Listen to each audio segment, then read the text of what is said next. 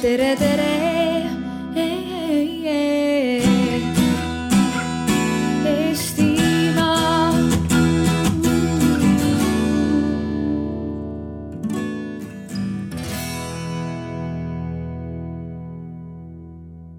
Tere kõigile. alustame siis äh, täna järgmist arutelu. Äh, minu nimi on Ott Pelsberg ning ma olen Eesti riigi andmete valdkonna juht. Ja täna räägime kahel väga olulisel teemal. kõigepealt riigil on eesmärk muutuda rohkem proaktiivseks, nähtamatuks, personaalsemaks. see tähendab seda, et teenused hakkavad tulevikus toimuma ilma kodanikupoolset sisendit vajavata. ma toon näite laps sünnib, te saate lapsetoetust automaatselt. laps pannakse lasteaia järjekorda. Teil on juhiluba viis aastat olnud, karistusregister on puhas. Te saate õiguse õpetada näiteks oma last. aga kõik see tegelikult toob kaasa küsimuse, kui proaktiivne saab riik olla? kas teatud teenuste andmisel me peaksime küsima kodanikelt nõusolekut? et kas te üldse tahate saada seda teenust või teist?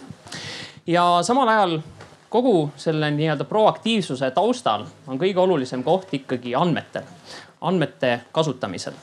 ja andmete kasutamisega on tegelikult äh, suured nii-öelda lootused pandud, et see aitab kasvatada innovatsiooni, luua uusi teenuseid. aga samal ajal on sellega seoses ka suured riskid et äh, kuidas, kellele, mis kodaniku andmeid nõusolekut anda ja edasi volitada.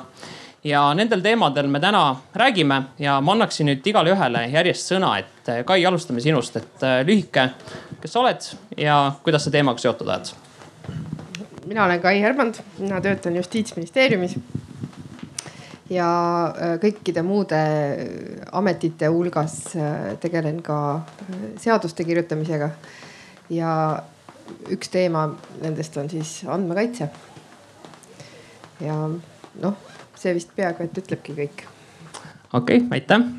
Marko, sinult. ja nagu Ott mind juba tutvustas, Marko Vaik on minu nimi ja mina olen tehnoloogiaettevõtja ja juba viis aastat tagasi alustasime sellise ettevõttega nagu Datami ja, ja liigume selles suunas, et aidata inimestel nende enda andmeid kõige efektiivsemalt kasutada ja kokku koguda Raavo, sinult. Tere ka minu poolt, mina olen Raavo Palu, andmekaitse inspektsiooni esindaja siis. minu asutus siis tegelebki nende andmete kaitsmisega põhimõtteliselt, et riik või omavali-, nii-öelda ettevõtted ei läheks üle käte, lihtsalt öeldes. ja Ain. tere, mina olen Ain Aaviksoo. põhitöö täna äh, küberturvalisuse ettevõttes Guardtime mis siis püüab tehnoloogiavahenditega eh, andmeid teha eh, siis turvalisemalt ja kindlamalt eh, nii kasutatavaks kui ka kaitstavaks, sõltuvalt sellest siis, kuidas on kokku lepitud. aga ma arvan, et sinna juurde ma peaks lisama, et ma olen ka pikka aega veendunud andmete ja informatsiooni usku inimene, nii et ilmselt osad minu seisukohad on üsna religioossed selles mõttes aga aitäh kõikidele ja nüüd küsiksin tegelikult publikult kõigepealt esimese küsimuse. Äh, tõstke püsti, kui te nõustute. et kas riigi käes olevad andmed kuuluvad kodanikule? tõuske püsti siis, kes on poolt.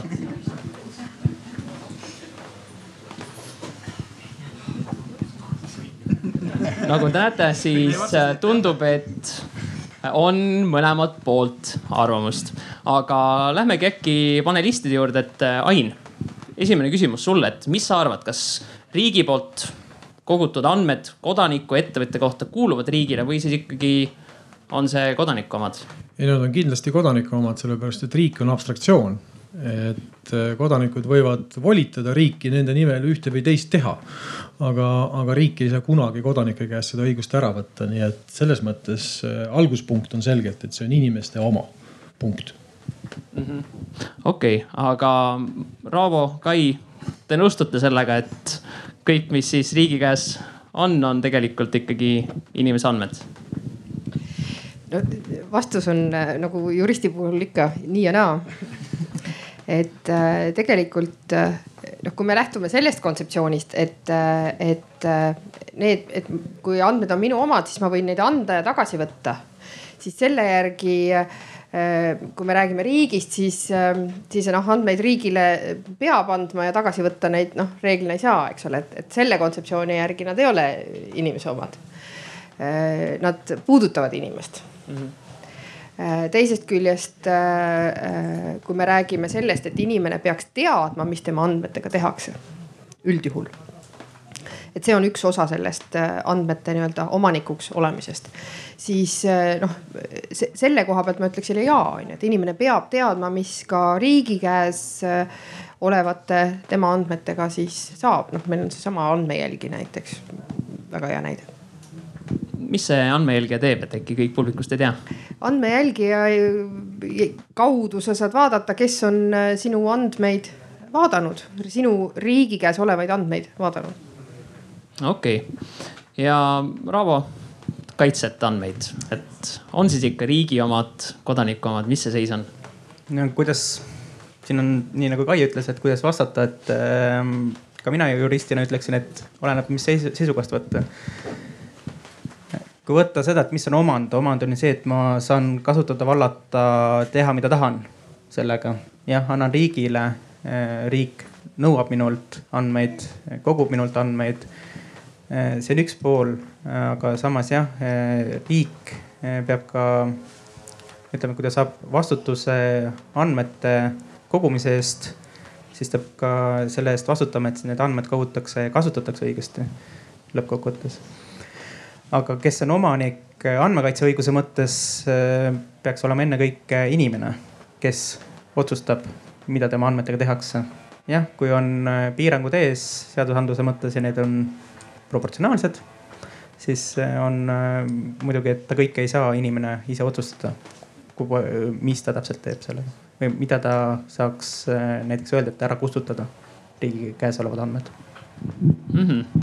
Marko, sa tegeled tegelikult äh, väga just nende samade piirangutega kohtud vist päris tihti, et äh, kuidas sul tunne on, et milline otsustusõigus siis tegelikult ikkagi ettevõtjal, kodanikul täna enda andmete üle on? et äh, ilus vastus on, et jah, nagu kodaniku andmed, aga kuskil on mingid seadused. no riik on alati jõupositsioonil, alati ja ja mingid tegevused selle jõupositsiooni all ongi okeid, et riik tegelebki sinu andmetega ja sul puudub otsustusõigus selle üle, kas ta nüüd teeb seda või mitte teeb, onju.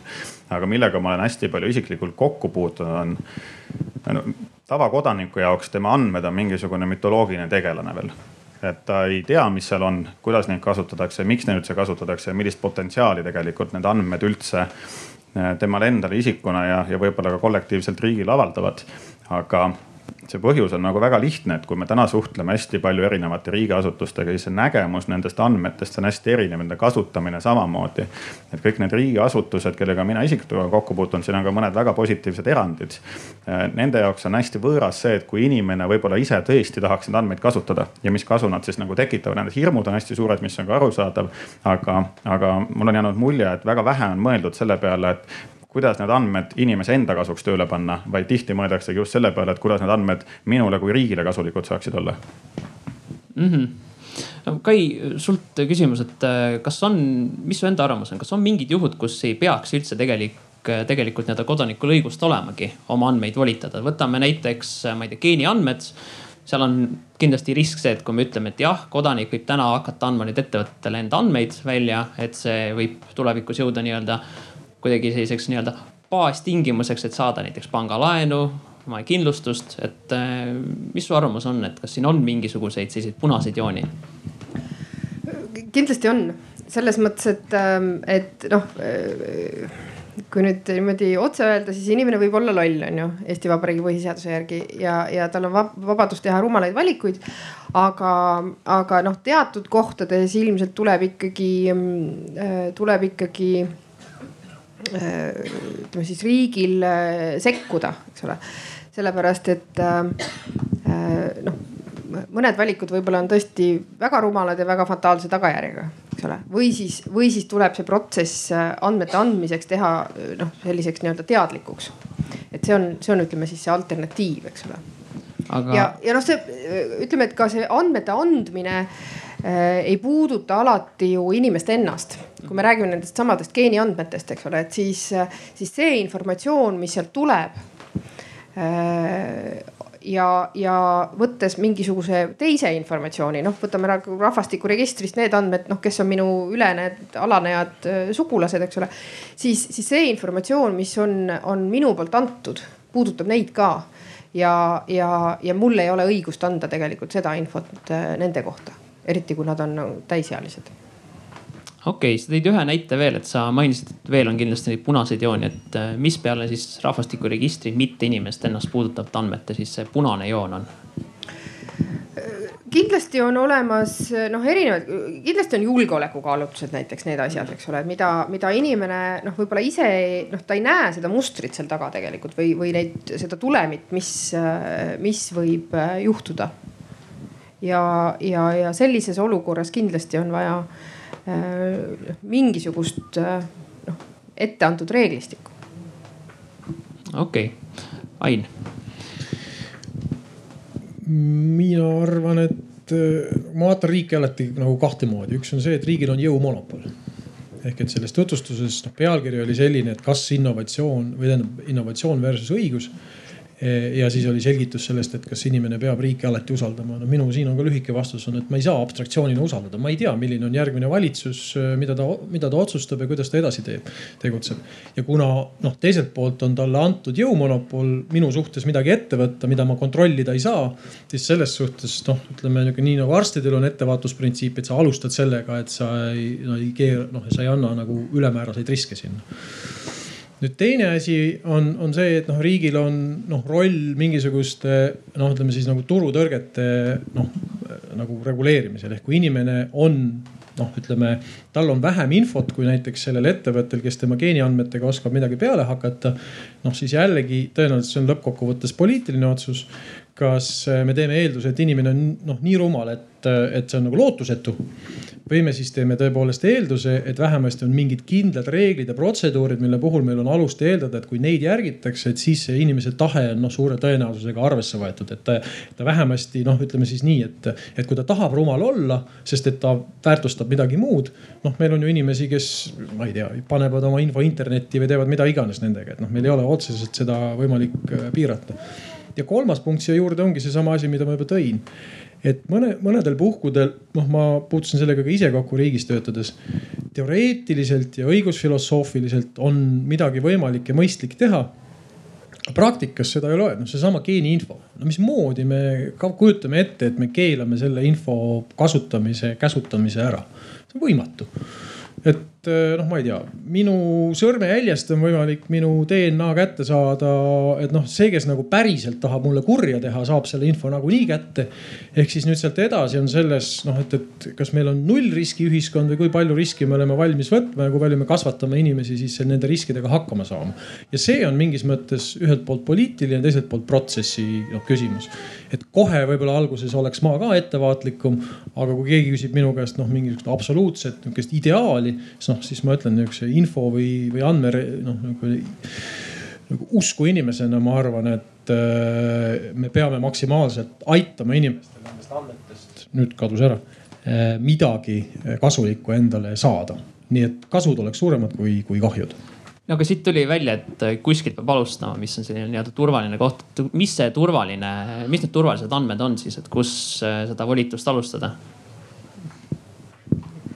ma, ma ei läheks sinna, mis on turvaline. ükskõik, mida inimene teeb, on ebaturvaline. kui inimene ärkab hommikul voodisse üles, on see äärmiselt ebaturvaline tegevus ja kui ta veel koju jääb, siis ta võib surma saada, sest kodu on kõige suurema riskiteguriga koht maailmas on ju. aga ma, ma püstitaks selle küsimuse pigem niipidi, kus see kasu kõige suurem on. et äh, kui me vaatame Äh, ühiskonda laiemana ja vaatame, võtame, võtame Euroopa regiooni või vaatame kitsalt, vaatamegi Eestit, siis teadmine andmetest on ülimadal ei tea inimesed nendest mitte midagi, ei tea riik midagi, ei tea ettevõtted mitte midagi. ja, ja kõige suuremad kasutegurid ilmselt on minu enda nägemuse tõttu kuna ma selles sektoris töötan, on finantssektoris esialgu, kus inimesed näevad mingeid reaalselt käega katsutavaid võitusid, kiirusi, mingeid analüüse ja kuidas oma enda elu paremaks muuta. teine kõige huvitavam minu jaoks, kus on ka riskid kõige suuremad, kuhu me esialgu minna ei sooviks, on tegelikult meditsiin ja, ja seal on ta just sellepärast põnev, et seal saab tegelikult tõesti aidata päästa kellegi elusid ja ennetada mingisuguseid riske, mis võivad tekkida mingisuguse käitumise või mingise eelsoodumuste tõttu. aga, aga seal tõstatuvad riskid nii suured, et ennem kui meil ei ole seda konkreetset raamistikku ja teadmist, mis üldse selles andmesektoris toimuma hakkab, siis on ta ilmselt natukene liiga kiire edasiareng, aga, aga nende riskide ja punaste joonte osas no kujutage ette, kui sada aastat tagasi mõeldi auto välja esimene. no vaadake seda autot, turvavöösid ei olnud, ei olnud ühtegi õhkpatte ei olnud, aga keegi ära ei keelanud, inimesed said surma ka, tegid avariisid. Ja see protsess hakkas iseenesest arenema, et ma usun, et me oleme ka andmete valdkonnas nagu täpselt samasuguses arengujärgus, et me veel ei tea, mis siit välja tuleb. oleks te öelnud eh, esimestele autojuhtidele, et kuulge, kunagi on autodel õhkpadjad ja nad sõidavad ise ja no kuulge, nad ei oleks uskunud teid on ju, et, et noh, andmetega on täpselt sama koht, et see, kuhu me, kus me täna nagu alustame, mida rohkem me seda ära piirame, seda rohkem me, me seda, seda vähem me takistame seda innovatsiooni, mis tegelikult ilmselt tulema hakkab. okei okay., ma natukene suunaks, ennem käis vahepeal läbi, et nii-öelda inimesel on ikkagi täna võimalus otsustada enda andmete üle aga levinud on see, et inimesed tehakse pilti läheb meediasse, ajalehtedesse. nimi on küljes, kuskil tagataustal on olemas, aga ma ei taha, et minust jääks nii-öelda internetiavarustesse jälg maha. et kus jookseb see kaine mõistuse piir, kus maalt alates ma võin olla unustatud ehk kui ma täna Tapal näiteks äh, kuskil talgutel käin ja tehti pilt ja pildi allkirjas on, et äh, jah, mina osalesin seal, kas mul on õigus olla unustatud ja kus jookseb see piir? Ja ma annaks kõigepealt Raavole. Äh, jah, nii-öelda õigus olla unustatud ei ole midagi uut, kui võtta õigusraamistikku, mis tuli eelmine aasta ehk siis isikute kaitse üldmäärusega. sest see mõte on see, et ma soovin, et minu kohta info ära kustutatakse. kui nii-öelda, mis maani sellega minna saab, no ütleme, kui võtta seadusandlikus mõttes, siis on raamid ikkagi ees, teatud juhtudel võib mitte kustutada andmeid. olgu see siis sõnavabaduse, teabevabaduse teemad, aga siin ei ole nagu kitsat ütleme siis kindlat raamistikku, kuhu, kuhu paigutada, et kust maalt ma võiksin äh, või peab ära kustutama. õigus on nõuda kustutamist. Äh, nüüd ongi see, et kas see, kes seda avaldab, ka sellele vastu tuleb ja kas see on õigustatud põhjused, miks ta ei kustuta ahah, et äh, inimesel justkui õigus on olla küsida, et äh, palun olla kustutatud, aga tegelikult ei saa, inimene ei otsusta midagi. no inimene, ütleme, inimene saab otsustada selle osas ju, mis on tema valduses. see ei ole ju tema käes, tema ei, kui ta ostab ajalehe väljaande selle ühest, ta saab selle ära põletada, see on tema otsustus mm. -hmm. kustutab, hävitab äh, andmed. ülejäänud tükid, tiraaž noh, ta muidugi ta võib kokku osta, teeb äh, ajalehele head kasumit, aga ma arvan, et see ei ole see eesmärk, mida ta soovis saavutada. Äh, ütleme siin ähm, inimene peaks seda tahet väljendama, muidugi on ka see pool, et üks pool on, et see inimese tahe. teine asi on ka, et seadusandlikud normid ütlevad ka niimoodi, et kui mingi eesmärk on ära langenud, siis tulevad ka andmed ära kustutada ehk ei saa oodata inimese pöördumist, tahet ja avaldust, vaid ka, kes iganes selle andmed kogus, peaks hoolitsema selle eest, et see avaldamine ei kahjustaks inimese õigusi ka hiljem mm. -hmm. Kai, tahtsid öelda? ja ähm, see, mis puudutab just ütleme siis sellises avalikus ruumis äh, esinemist ja olemist, siis ammu enne äh, andmekaitse üldmääruse vastuvõtmist. Oli meil Eestis täiesti korralik äh, kohtukaasus selle kohta, kus üks äh, proua, kelle kohta, kes oli kunagi poliitiliselt aktiivne, äh, avaldati artikkel ja, ja noh, mõnda aega hiljem tema poliitilised vaated muutusid ja ta ei tahtnud enam, et internetis kogu aeg vastu vahib, kui tema siis nime sisestada. ja kohtukaasus lõppes ikkagi sellega, et, et loomulikult noh, raamatuid ei hakanud keegi põletama või raamatukogudest ütleme siis ajalehti ei hakatud põletama aga sellest, selle ajalehe siis nii-öelda netiväljaandest võeti see artikkel maha, eks ole. ja ja noh, see ongi see õigus olla unustatud on tegelikult väga-väga mitmetahuline. Kui me räägime sellest, just nimelt sellest eesmärgi äralangemisest, siis, siis kui ma enam ei ole püsiklient ma ei tea, mingisuguse kaubandusketi juures, siis noh, siis mul on õigus öelda, et palun kustutage mu andmed ära, ärge saatke mulle enam mingisugust informatsiooni, mind ei ole olemas teie jaoks kui me räägime, ütleme siis tõesti ajakirjanduses avaldatud, kas siis fotodest ja muudest asjadest, siis, siis on noh, seal on, on, on muud reeglid ka veel, eks ole, et et kui ma liigun avalikus ruumis ringi, siis ma ju noh, võin eeldada, et inimesed mind näevad ja võivad ka fotografeerida, eks ole, kui ma mingitel üritustel olen. Ja, ja, ja sealt omakorda siis tõesti, kui me räägime sõnavabadusest, ajakirjandusvabadusest, noh seal tuleb siis kaaluda nende erinevate põhiõiguste vahel, et, et sõnavabadus on ju üks põhiõigus ja, ja, ja ütleme siis see nii-öelda andmekaitse on teine põhiõigus. ja kuna põhiõigustel meil ei ole ju hierarhiat vaid noh, iga kord tulebki kaaluda, et milline nendest põhiõigustest siis sellel hetkel selles olukorras prevaleerib. okei okay. äh,, ma küsiks nüüd Ain sinult sellise järgmise küsimuse, et äh, te olete kõige rohkem nii-öelda selliste nõusolekuteenust juba ka teatud määral katsetanud, mõelnud. et kas te olete ise leidnud, mis on see joon, kust maalt, milliste osapooltele võiks nõusolekut üldse anda, millist mitte, et näiteks võtamegi tervishoid, väga hea näide mm. -hmm. ammu enne seda, kui, kui me Guardtime'is või noh, mina seal nõusolekuteenusega tegelema hakkasin, kus meil tõesti täna on, on esimesed äh, versioonid olemas. loodame varsti neid ka Eestis kasutada anda. siis äh, oli sotsiaalministeeriumis meil diskussioon selle üle, et, äh, et kui inimene taotleb näiteks sotsiaalteenust riigi käest.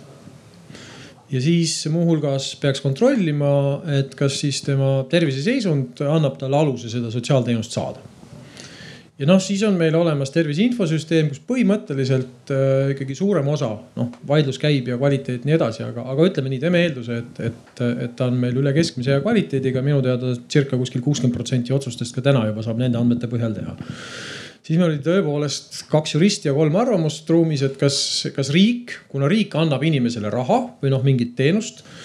kas ta siis võib öelda, et kui sa tahad minu käest seda teenust saada, siis vot siis mina vaatan sealt tervise infosüsteemist sinu andmeid. Ja siin noh, mina ütlesin, et kui riigil on noh jõud ja põhimõtteliselt võimalus seda rakendada, siis alati ei ole seda tark teha. Sest et noh, me näeme seda, et noh, kui, kui noh, nii-öelda tilgutada suurel hulgal ühel hetkel, siis riik noh, teab, mis on inimesele hea ja, ja tõepoolest võib siis inimesele öelda, et tahad saada minu käest raha, siis anna mulle oma andmed kui meil on tehnoloogiliselt võimalik siis nüüd seda õiguslikku olukorda lahendada niimoodi, et inimesele antakse võimalus öelda, et jah, korjake need andmed minu eest, sest et äh, ma tõesti ei viitsi ise käia kõikides nendes asutustes ja neid pabereid teile kokku ajada. siis enamus inimesi tõepoolest nii seda teebki nii et äh, ja, ja siis vot nüüd seesama protsess, me vaidlesime selle üle, et palju neid inimesi on ja, ja võib-olla see kõik on väga kallis. noh, lõpptulemusena mu teada täna ei ole see tohutult suuri probleeme toonud. et mina vastaks nii, et tuleb vaadata seda, seda õigust. siis tuleb vaadata, mis tehnoloogia on olemas, ehk et kui see kokkukogumise äh, ja selle nõusoleku võtmine on ülemäära koormav noh, siis on ilmselt kaalutlus, et võib-olla on põhjust seda nii-öelda riigi niisugust jõudu kasutada. ja kolmas asi on siis tõesti, et see teenus peab olema niimoodi mugavalt ja mõnusalt korraldatud. Inglise keeles on sihuke hea sõna nagu governance, eesti keeles öeldakse valitsemine, et ta on natuke sihuke nagu kohmakas, aga mõte on selles, et see, kuidas siis seda tehnoloogiat selles õiguslikus või, või mis iganes kokkuleppe raamistikus rakendatakse, siis on võimalik kõiki asju teha ühtegi punast joont selles tähenduses ei ole. et see punane joon algab sellest, et kui lepitakse kokku, et nii on mõistlik on mõistlik äh, geenivaramusse antud andmed äh, anda tervise infosüsteemi selleks, et kui ma lähen perearsti juurde, ta otsustab, kas minu ravimidoos peaks olema kolm korda suurem või väiksem. Et siis see on mõistlik, juhul kui on vot siis see kokkulepe ja, ja reeglid ja tehnoloogia, mis seda toetavad Rauvo, ma küsiksin sinult ka, et äh, kas siis, kui me näiteks võtamegi, et volitatav ja kas kõik, kellele siis oma andmeid nüüd edastada, kas kõik on võrdsed või on ikkagi siin vaja, võtamegi seesama tervishoid äh, samamoodi, et üks on perearst, aga ma kujutan ette, et äh, mõni suur farma kindlasti tunneb samamoodi nendele geeniandmetele ja muudele huvi. no siin on nii nagu enne Kai ütles, et inimese lolluse eest ei saa kaitsta aga noh, riik peakski siis siin vahepeal tulema, et eh, kuhu maani seda minna, et kui inimene ei saa aru, milleks ta selle volituse juurdepääsu annab, siis eh, riik peaks olema vähemalt see ees, kes ütlema, et kuule, siin peaks olema terve mõistus, et sa pead ka aru saama, et, et kuhu see läheb ja kas sa üldse aru saad, kuhu see läheb. Et kui ta ise aru ei saa, siis pigem oleks riik, kes ütleks ette, et nendele asjadele sa ei tohiks anda ise no kas ma ikka tohin küsida, et kes see riik on, kes teab paremini kui mina? et ke, kes on riik? ma, ma, ma täpsustaks. riik, see oleme meie. ma, ma, ma, ma. mina ei ole riik. eestlased, kõik. nojah, seda ma tahangi öelda, et noh, ma, ma natuke provotseeriks, et uh, -huh. et tegelikult on see ju suvaotsus meil on, meil on suvalisel ajahetkel sattunud suvalised inimesed täitma suvalist rolli, kes tulevad suvalisel ajahetkel suvalisele koosolekule, teevad otsuse, et see ei ole sobiv. mina ikka ülikoolis täitsa õppisin seda, mis ma nagu teen. no jaa, aga veel kord, et äh, kui, kui sinna ruumi satuks mõni teine jurist no siis see otsus võiks olla teistsugune, nii et noh, selles mõttes on ta suvaline. ma ei mõtle mitte noh, ma just mõtlesin, et teeks noh, et oleks natuke noh nagu pinget ka nii, aga Kai, kuidas sa siis lahendaksid selle olukorra? sa mõtled eh, olukorda, kus, kus inimene saab volitada oma no see oli siin, see käis läbi see terve mõistus, et ja. Eh, mille põhjal me siis hindame, et kas inimesel on terve mõistus või mitte, et eh, ehm, ma arvan, et noh, niisugust individuaalset ekspertiisi ei tasu nagu tegema hakata et, ähm, et see on vähe kohmakas ja kallis, aga, aga see on pigem ongi see tõesti see ühiskondliku kokkuleppe küsimus on ju, et, et äh, kui me teame, et ähm, riigi käes on äh, teatud äh, andmed ja, ja andmed on ju või teatud kategooriad andmeid, eks ole. Need on erinevad, on on äriühingute andmed selle majandustegevuse kohta, noh, mida noh, mis, mis ei ole nii sensitiivsed, ütleme, et või tsiviilkäibe jaoks võib-olla isegi on nad väga vajalikud, on ju. et ühiskond neid teaks, siis on olemas andmed, mis, mis on noh, sellised mitte väga sensitiivsed isikuandmed, eks ole, me räägime, ma ei tea, nimest või, või, või mingitest muudest äh, näitajatest, eks ole, ma ei tea, omandi küsimused ja nii edasi. ja siis on tõesti väga sensitiivsed andmed, äh, mis äh, mis ei puuduta võib-olla inimest ainult ennast, noh eelkõige terviseandmed, siis seda ühiskondlikku kokkulepet ongi ju vaja selleks, et, et, et millised, milliste andmete puhul, millised protseduurid on vajalikud, on ju. et kui me, kui me räägime, ma ei tea, minu Äh, noh, ütleme, et ma olen FIE ja minu majandustulemustest on ju noh, FIE sellepärast, et, et, et oleks, kõik oleks nagu füüsilised isikud, eks ole mitte juriidilised isikud. et, et kui ma olen FIE ja minu majandustulemused äh, on, on positiivsed, siis ma noh, tahan kõigile öelda maailmas, et kuulge, ma olen väga usaldusväärne ja äge ärimees siin on ju, et äh, noh, tulge aga minu juurde on ju. ja, ja ma arvan, et riigil ei ole siin midagi öelda, kas ma avaldan neid või ei avalda neid, eks ole Äh, kui me räägime terviseandmetest, siis, äh, siis, siis kindlasti peaksid olema seal noh, mingisugusedki protsessid, äh, kust on siis esiteks näha kuidas see inimese tahe kujuneb, et see ongi tema mitte nihuke emotsiooni ost on ju nagu, nagu sa kaubanduskeskuses käid ja vaatad, et enne kui sa kassasse lähed, et ikka ühe šokolaadi võtaks veel on ju.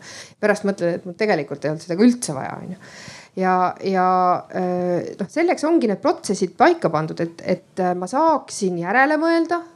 et ma saaksin oma seda tegelikku tahet äh, väljendada ja, ja ma saaks aru, mida see kaasa toob. ja, ja, ja selle jaoks on, on, on noh, ütleme siis äh, ärme kasuta siis seda sõna riik, ma ei tea, kasutame seadusandja või, või ühiskondlik kokkulepe, mis tegelikult seadus ongi ühiskondlik kokkulepe seal võiks siis see selgelt näha olla mm. -hmm. Marko mina näen, et ühiskond liigub sinna, et inimene ei taha mõelda ja oodata. kõike, mida ma näen, ma tahan kohe saada iga kord ma vaatan nuppu, nüüd on ta käes ja, ja niimoodi, et ilmselt see protsess kiireneb veelgi. ja kus ma nagu näen murekohta ilmselt kõiges selles, need ettevõtted ühel hetkel tekib nagu seeni peale vihma, et andmete valdkond on järgmine kümnend aasta, kümnend üks kõige enim tulu teenivaid valdkondasid ja, ja, ja ilmselt tekivad sinna inimesi ka, kellel ei ole ausad kavatsused.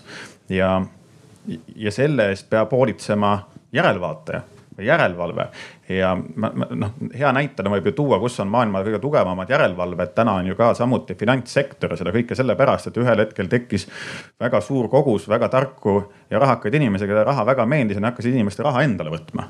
nii ja siis hakati neid pankasid reguleerima, et kuulge, et paneme mingid protseduurireeglid paika, et siis te ei saa inimeste raha endale võtta, näete siiamaani võtavad ja need protsessid regulatsioonid arenevad kogu aeg edasi. kui me nüüd seda andmevaldkonda vaatame, siis ma näen, et me oleme seal täpselt samal hetkel, kus kolmekümnendate Ameerika börsikriis tekkis, on ju, noh, meil on mingisugused raamid ja reeglid olemas, aga kui nüüd hakatakse raha ka siin tekkima, siis tuleb väga palju neid, kes hakkavad ennast olemasolevatest reeglitest ja regulatsioonidest mööda minema. ja seal eh, ongi vaja seda tugevat eh, proaktiivset regulaatorit, kes proovib alati olla sammu võrra ees. Jah, Ain. ja ma siit jätkakski, et, et kui on üks asi, millega ma ilmselt Kai sinuga lõpuni nõus olen, siis see, et protsessid ja protseduurid on, on olulised asjad, millele tuleb tähelepanu pöörata. ehk et me, minu meelest on noh, semantiliselt ongi natukene kohmakas eh, see eh, andmekaitse et see viitab nagu sellele, et meil on andmed mingis kohas ja siis me peame neid kaitsma ja siis tegelikult me kõik saame aru, et, et noh, andmed erinevad ülejäänud nähtustest ja asjadest selle poolest, et nad on korraga mitmes kohas, nad ei ole kunagi ühes kohas. Ehk et see, mida võib nende asjadega teha ja selle tõttu inimeste kaitsta noh selle eest, et, et nad ei pruugi aru saada, mida nende andmetega on võimalik teha. ja siin ma olen küll nõus, et, et noh, esiteks see arusaamine tulebki ajaga. ja, ja selle tõttu mõnede asjade tegemine täna on okei okay,, mõnede asjade tegemine ei ole okei okay,, sellepärast et ma ka ise veel ei tea kuidas neid andmeid kasutatakse. ma ütlen ausalt, et mina veel täna ei tea, kuidas meie geenivaramusse kogutud andmeid äh, hakatakse kasutama. et äh, ja ma arvan, et neid tuleb kasutada ja ma olen väga selle poolt, et kõik inimesed, kes sinna on oma andmed andnud, saaksid neid just nimelt. täna on juba olemas noh, selgelt teenuseid, mis teevad nende jaoks tervishoiu täpsemaks ja paremaks. kohe täna olemas, saaks juba kasutada.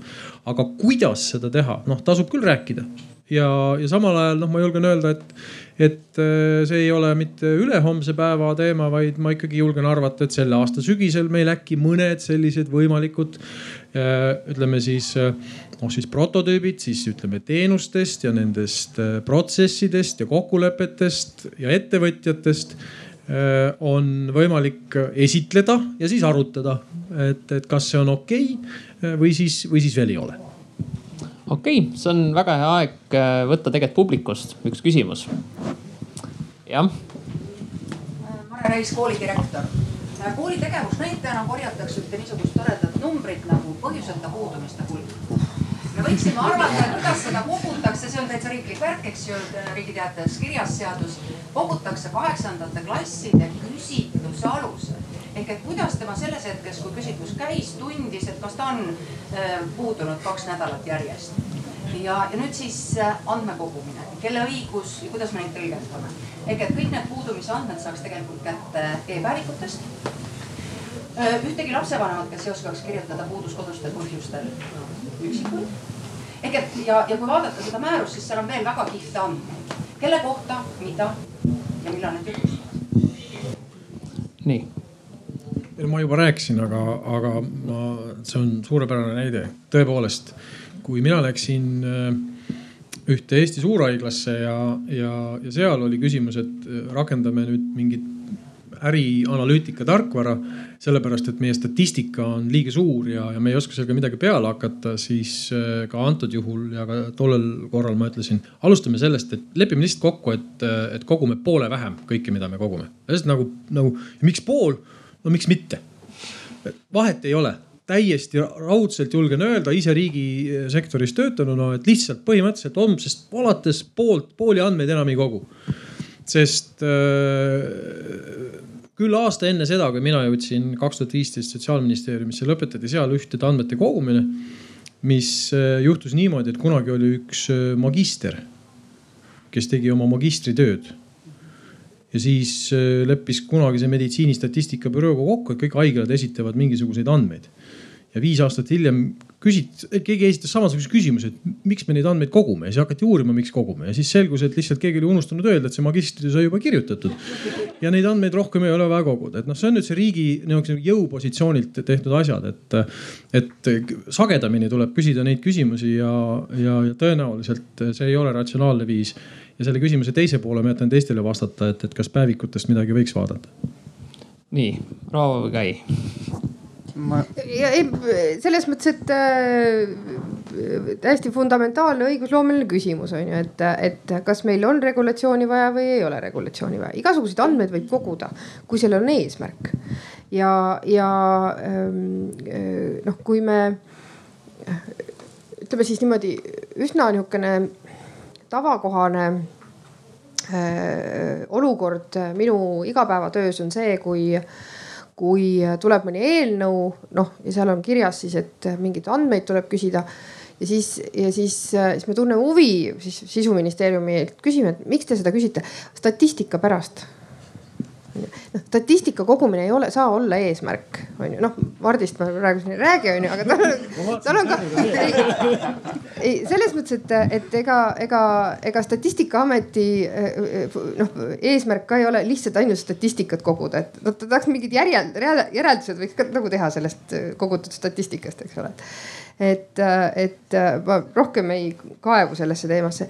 aga, aga andmete kogumisel peab olema eesmärk, kui, kui, kui me sellest põhjuseta puudumise teadmisest et mitu õpilast, kui palju, mitu protsenti, mis, mis ajal näiteks, et, et noh, nädal aega enne jõuluvaheaega alati puuduvad ja, ja põhjuseta ja nädal aega pärast jõuluvaheaega puuduvad, eks ole.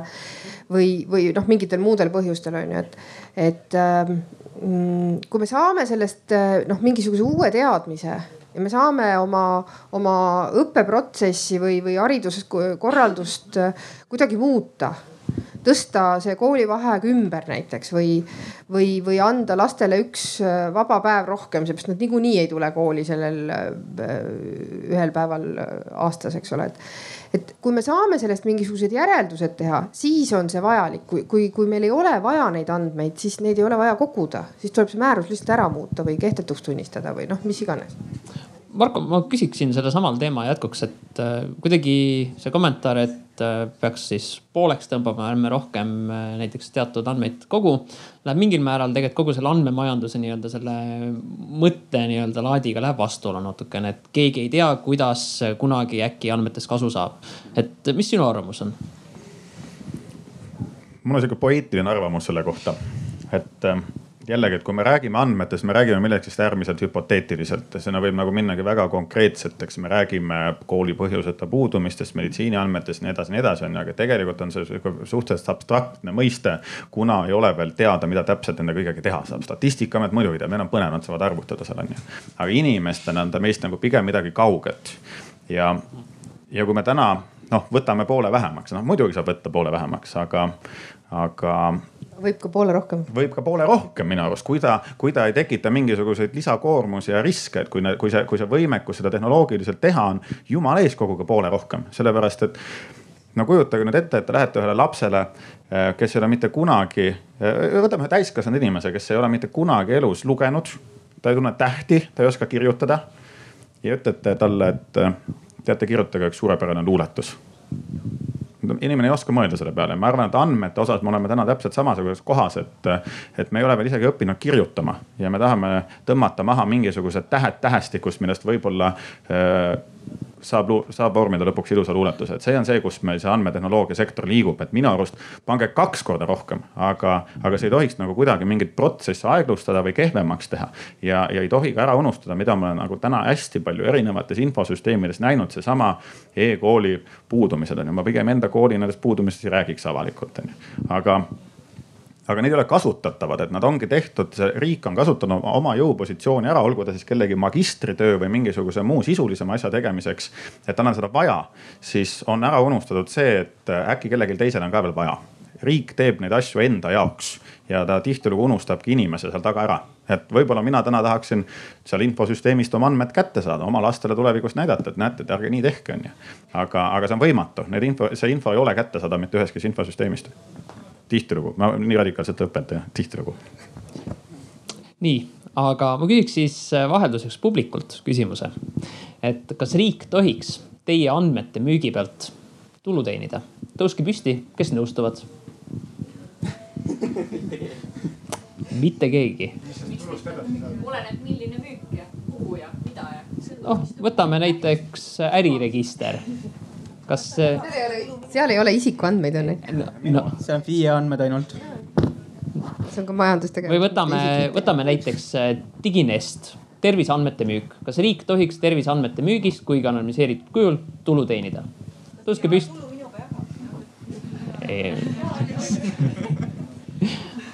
noh, kaudselt võib-olla kuidagi. tegelikult riik müüb neid andmeid kogu aeg, aga keegi ei pane seda tähele, et äh, samamoodi on pensioniregister. iga, iga info, palju sinu palga pealt pensioni makstakse, läheb kuskile infosüsteemi. kas teie teate, kes seda süsteemi kasutab? ei tea, iga kord, kui panka lähete ühe päringu esitate, siis on seal kuskil linnukene. põmm, tehakse päring, vaadatakse, sealt tuletatakse info sissetulekute kohta. kas ta on halb? no te saate kohe laenu ütleme, kui me räägime väikest summat, et tegelikult ta ei ole nagu halb, on ju. kui tal on nagu mingi efektiivne kasutusviis. et muidu see teine võimalus oleks see, et esitate konto väljavõtte sinna. aga neid, neid, neid kasutuskohtasid on ülipalju, kus inimene ei tea, et tegelikult keegi teenib raha selle pealt. ega pank maksab selle eest, ega pank niisama sinna ligi ei pääse. kui ma viimati mäletan, siis pensionisüsteemi halvab Eestis börs ja küsib vist viiskümmend kolm senti ühe päringu eest või kolmkümmend kolm senti ühe päringu eest on ju. põmm-pangal maksavad iga päringu eest on ju, see toimub nagu kogu aeg igal pool no aga ma siit küsikski Kai, et äh, kas siis riik tohiks kas kodaniku, ettevõtja andmete pealt äh, raha teenida, toome sellesama tervise näite, et äh, nagu sa tead, arutatakse terviseandmete müüki. mis sa arvad sellest? oi, see on nii tore teema, see on nii tore teema, ma olen sellega viimased kaks aastat äkki kokku puutunud või isegi rohkem või millal te hakkasite pihta sellega kohe, kohe kaks tuhat viisteist, kui ma tulin no, kohe. okei okay., siis juba, siis juba, siis juba peaaegu et neli aastat, eks ole. aga äh, no jälle see, see, see vastus on äh, nagu nii ja naa. nagu tublile juristile kohane, et ähm, mm, noh, iseenesest ju äh, riik kogub andmeid esmajoones iseenda nii-öelda äh, ülesannete täitmiseks, eks ole et äh, noh, räägitakse küll hästi palju avalikest teenustest ja, ja, ja me pärast hakkame siin ka räägima kõik nendest teenustest, aga tegelikult on ju riigil haldusülesanded, mida ta täidab, eks ole. ja, ja, ja andmeid kogutakse nende haldusülesannete täitmiseks üldjuhul. ja kui, mm, kui keegi kolmas isik tahab neid äh, andmeid samamoodi kasutada, eks ole, siis äh, äh, on, on riigil tegelikult kaks valikut. Kas ta annab need täiesti tasuta absoluutselt kõigile, eks ole, või siis ta küsib kõigi, kõiki, kõigi käest raha, eks ole, välja arvatud see, kui ma iseenda andmeid siis nii-öelda vaatan või küsin või kasutan ja, ja mina ei näe nagu selles, selles iseenesest äh, sellist fundamentaalset äh, probleemi, kui, kui riik küsib raha nende andmete äh, kasutamise eest, sellepärast et, et noh, ta ju põhimõtteliselt kannab need kulud, mis sul on vaja, eks ole, selle süsteemi ülevalpidamiseks. kui sa lähed dokumenti riigi käest küsima, passi, sa maksad ka riigilõivu ehk siis sa, sa kannad tegelikult selle dokumendi väljaandmise ja trükkimise ja, ja sinu nii-öelda teenindamise kulu, eks ole.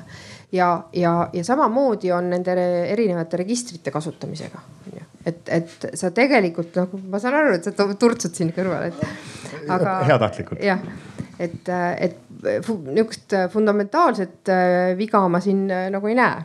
Äh, teisest küljest on, ongi see, et et kas me peaksime diferentseerima neid, milliseid andmeid me, me siis nagu anname niisama ja milliseid mitte mm. -hmm. siin see, see kogu, kogu see valdkond, ma, ma, ma usun, et kõik inimesed on teinud need otsused oma kõige parema heaksnägemise järgi tollel ajahetkel. ja, ja, ja nii, niisamuti on tekkinud mingid hinnakirjad kuskil mingite andmete väljastamisel, et, et selle jaoks on mingid kulud ja mingisugused muud protsessi asjad, mis on vaja katta ja see kõik on nagu igati loogiline.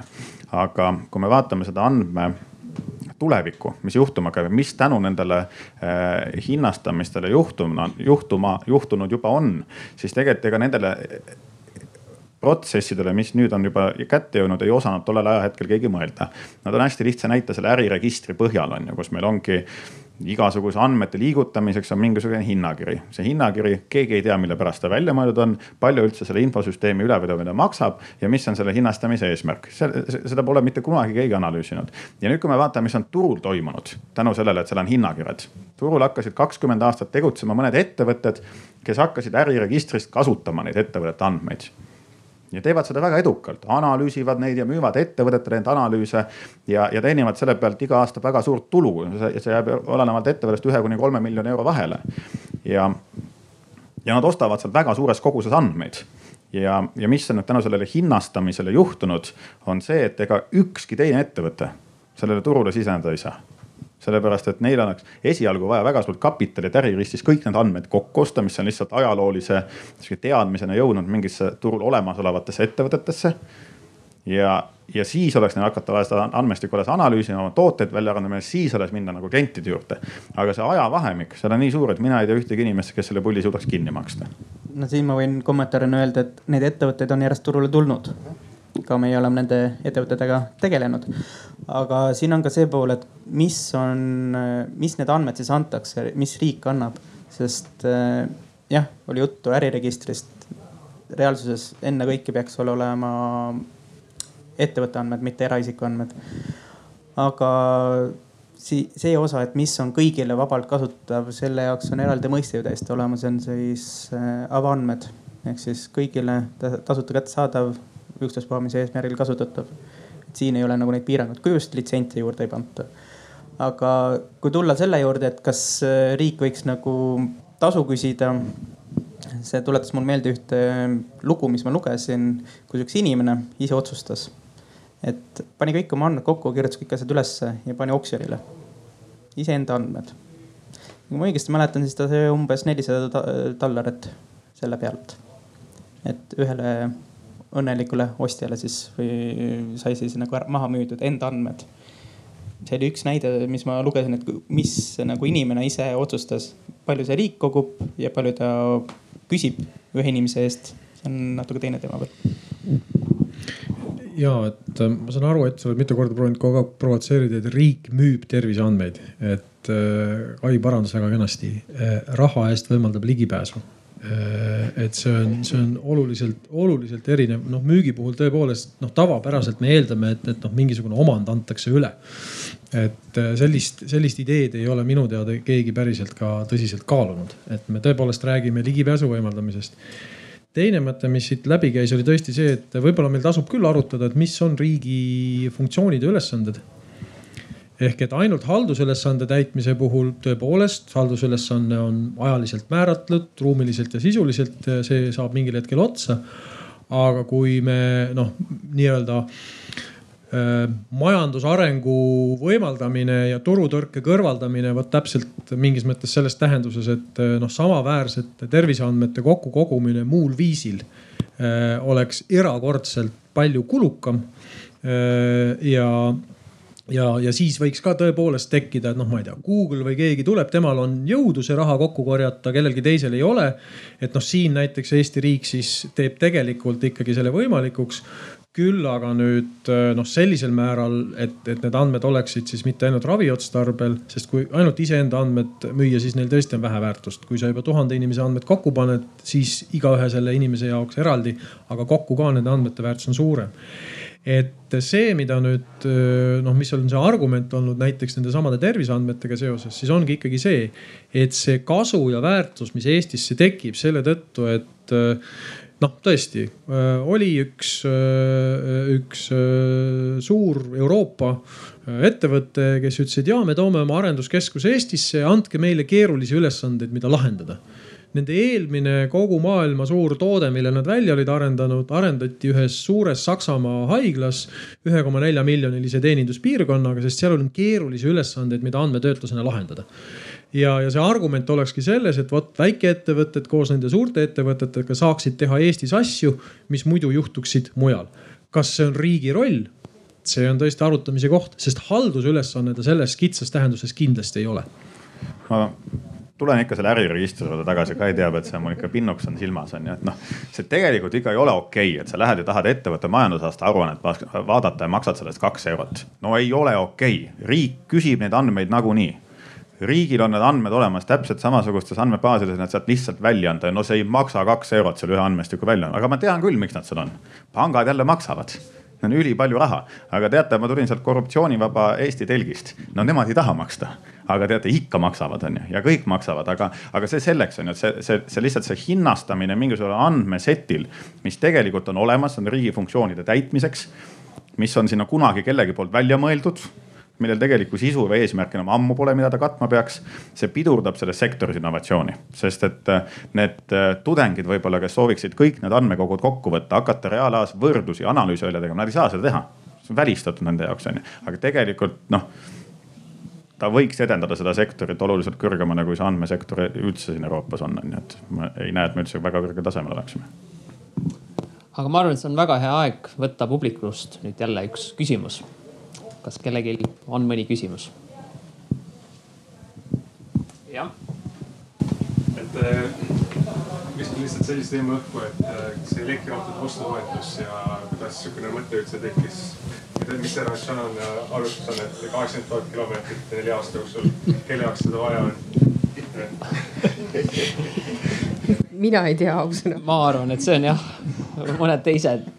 keegi tahab jah, nii-öelda. teise telgi teema. see on pigem võib-olla jah natuke teise telgi teema, aga ütleme, miks see kilometraaž sedasi on ette pandud, ei oska ka esmalt aimatagi ei, aga, aga, aga noh, ütleme kilometraaž kilometraažiks äh,. mina juba oma esimese emotsiooni seisukoha Facebookis väljendasin, et äh, minu jaoks on ikka kummaline, kuidas sellised äh, ideed üldse tekivad ja kuidas, no kuidas on võimalik, et meie avalik sektor ei ole suuteline nagu välja, see, et nagu ajurünnaku raames inimesed käivad ideid välja, see on väga tore, aga kuidas on võimalik, kuidas on võimalik, et sellest saab nagu päris asi, mida keegi päriselt nagu mõtleb, et, et noh, see on selles mõttes tõepoolest noh, vot see on nüüd see nii-öelda suva näide ehk et see, et mingil ajahetkel keegi midagi mõtleb ja tollel ajahetkel ta teeb seda oma parimas tahtmises, et see noh, et ma, kui ma ütlen nagu suvaline, siis ma nagu ei halvusta seda, et äh,